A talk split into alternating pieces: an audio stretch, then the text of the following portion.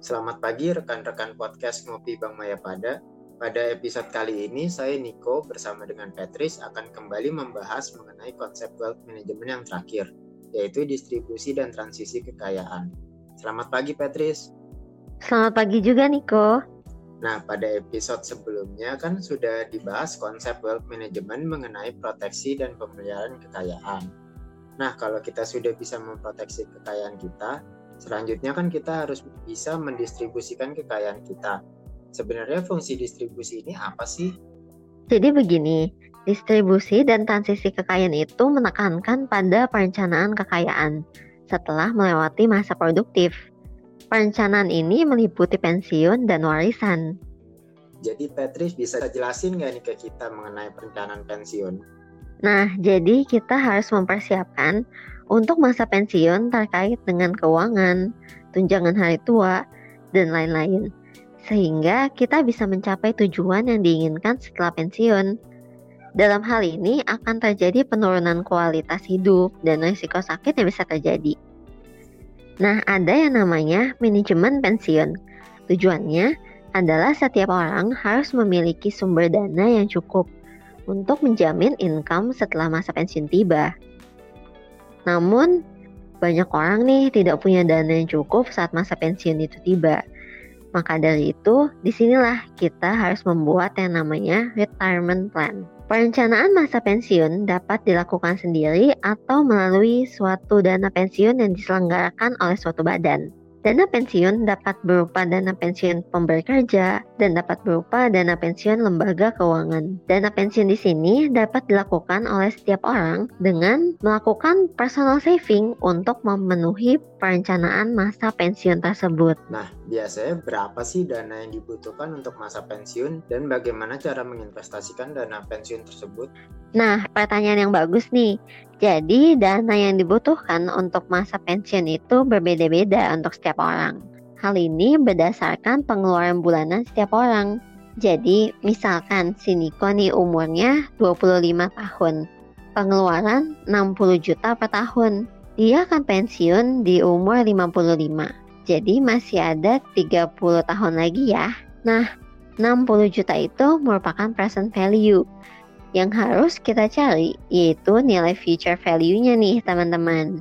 Jadi rumus future value yaitu present value 60 juta dikali 1 ditambah R yang kita asumsikan tingkat inflasi 5% per tahun dan dipangkatkan N yaitu masa waktu pensiun 30 tahun maka jumlahnya adalah 259.316.542 rupiah per tahun. Nah, kita andaikan bahwa Niko memiliki harapan hidup sampai umur 70 tahun. Maka dana pensiun yang dibutuhkan adalah 6 miliar 134 juta 778.970 rupiah.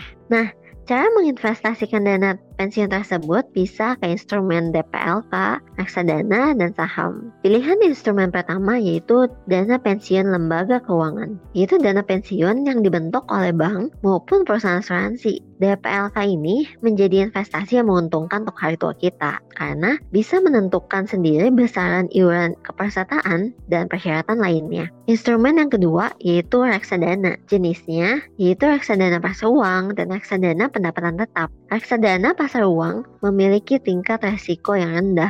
Keuntungan lainnya adalah reksadana ini memiliki deposito berjangka dengan jangka waktu di bawah satu tahun. Sementara itu, reksadana pendapatan tetap juga memiliki keuntungan yang tak kalah menarik karena resikonya juga lebih besar. Nah, instrumen yang terakhir adalah saham. Sama halnya dengan reksadana, saham juga menawarkan nilai investasi yang menguntungkan sebagai instrumen dana pensiun. Namun, ketika hendak memilih saham, sebaiknya dipertimbangkan dengan matang sebab meski nilai keuntungannya besar, tingkat resikonya pun cukup tinggi loh, Nick. Nah, jadi kalau masa pensiun sudah direncanakan dengan baik, maka selanjutnya apa nih Patrice yang bisa kita lakukan?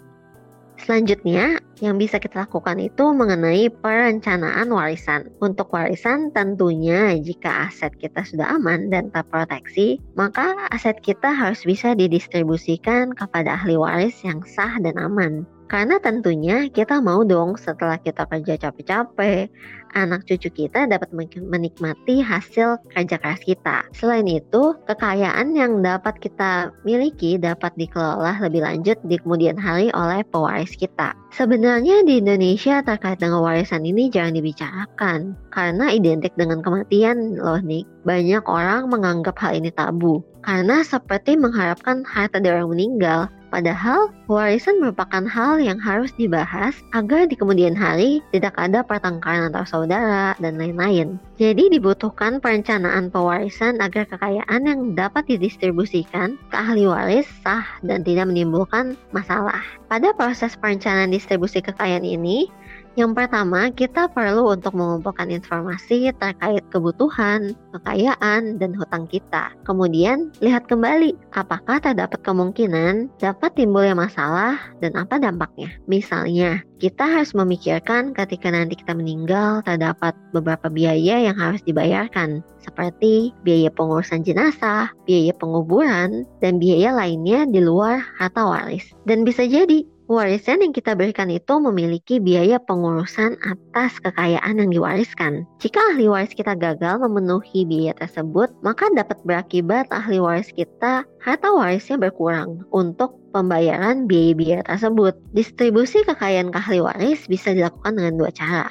Yang pertama, pemindahan kekayaan sebelum ahli waris meninggal. Jika kita ingin memindahkan kekayaan sebelum kita meninggal, maka dapat dilakukan dengan hibah atau hadiah, yaitu pengalihan kekayaan kepada ahli waris sejauh penerima tidak keberatan untuk menerimanya. Yang kedua, Pemindahan kekayaan setelah ahli waris meninggal. Terdapat dua cara untuk mewariskan kekayaan, yaitu testamentary dan interstate. Jika pewarisan testamentary, maka terdapat surat waris berupa dokumen tertulis dan sah untuk menyatakan kekayaan si pembuat waris ke ahli waris saat pembuat surat tersebut meninggal. Nah, maka penting nih teman-teman untuk membuat surat waris. Gimana sih cara untuk buatnya? Nah, Surat yang dibentuk dalam suatu bentuk uraian di mana berfungsi sebagai pernyataan yang sengaja dibuat, boleh diketik, tulis tangan, atau dalam bentuk litografi. Surat ini harus ditandatangani di bawah atau di akhir surat oleh pembuatnya dan disaksikan minimal dua orang yang hadir bersama dengan notaris yang mengesahkan surat tersebut bersama si pembuat surat. Para saksi juga harus menandatangani surat waris yang telah dibuat setelah pembuatnya menandatangani. Akan tetapi, para saksi tidak perlu mengetahui isi surat tersebut. Surat waris ini dapat dirubah kapan pun sebelum yang menulis meninggal. Sedangkan pewarisan interstate adalah jika pewarisan terjadi tidak ada surat waris. Nah, maka pembagian warisannya akan didasarkan pada hukum yang berlaku di mana kekayaan tersebut berada. Namun ini lebih sulit ya teman-teman. Jadi sebaiknya sih ada surat waris. Nah, kalau misalnya dari tadi kan udah dijelasin nih untuk mengenai yang warisan sama hibahnya ya. Nah, biasanya instrumen apa aja sih yang bisa dijadikan untuk instrumen waris? Nah, yang bisa dijadikan untuk instrumen waris contohnya. Yang pertama, properti, misalnya rumah. Dalam hal ini ada yang perlu diperhatikan karena setelah mendapatkan warisan berbentuk rumah, pada saat ahli waris ingin balik nama kepemilikan rumah tersebut, ahli waris tentunya harus menyiapkan dana untuk membayar pajak. Yang kedua, ada asuransi. Ketika pemilik polis sudah meninggal, ahli waris akan mendapatkan uang pertanggungan sesuai ketentuan yang terdapat pada polis asuransi. Oke, jadi begitu ya teman-teman ngopi terkait distribusi kekayaan. Terus dengerin ya podcast kita di Ngopi Pagi Bang Maya Pada. Stay tune and see you next podcast guys. Bye.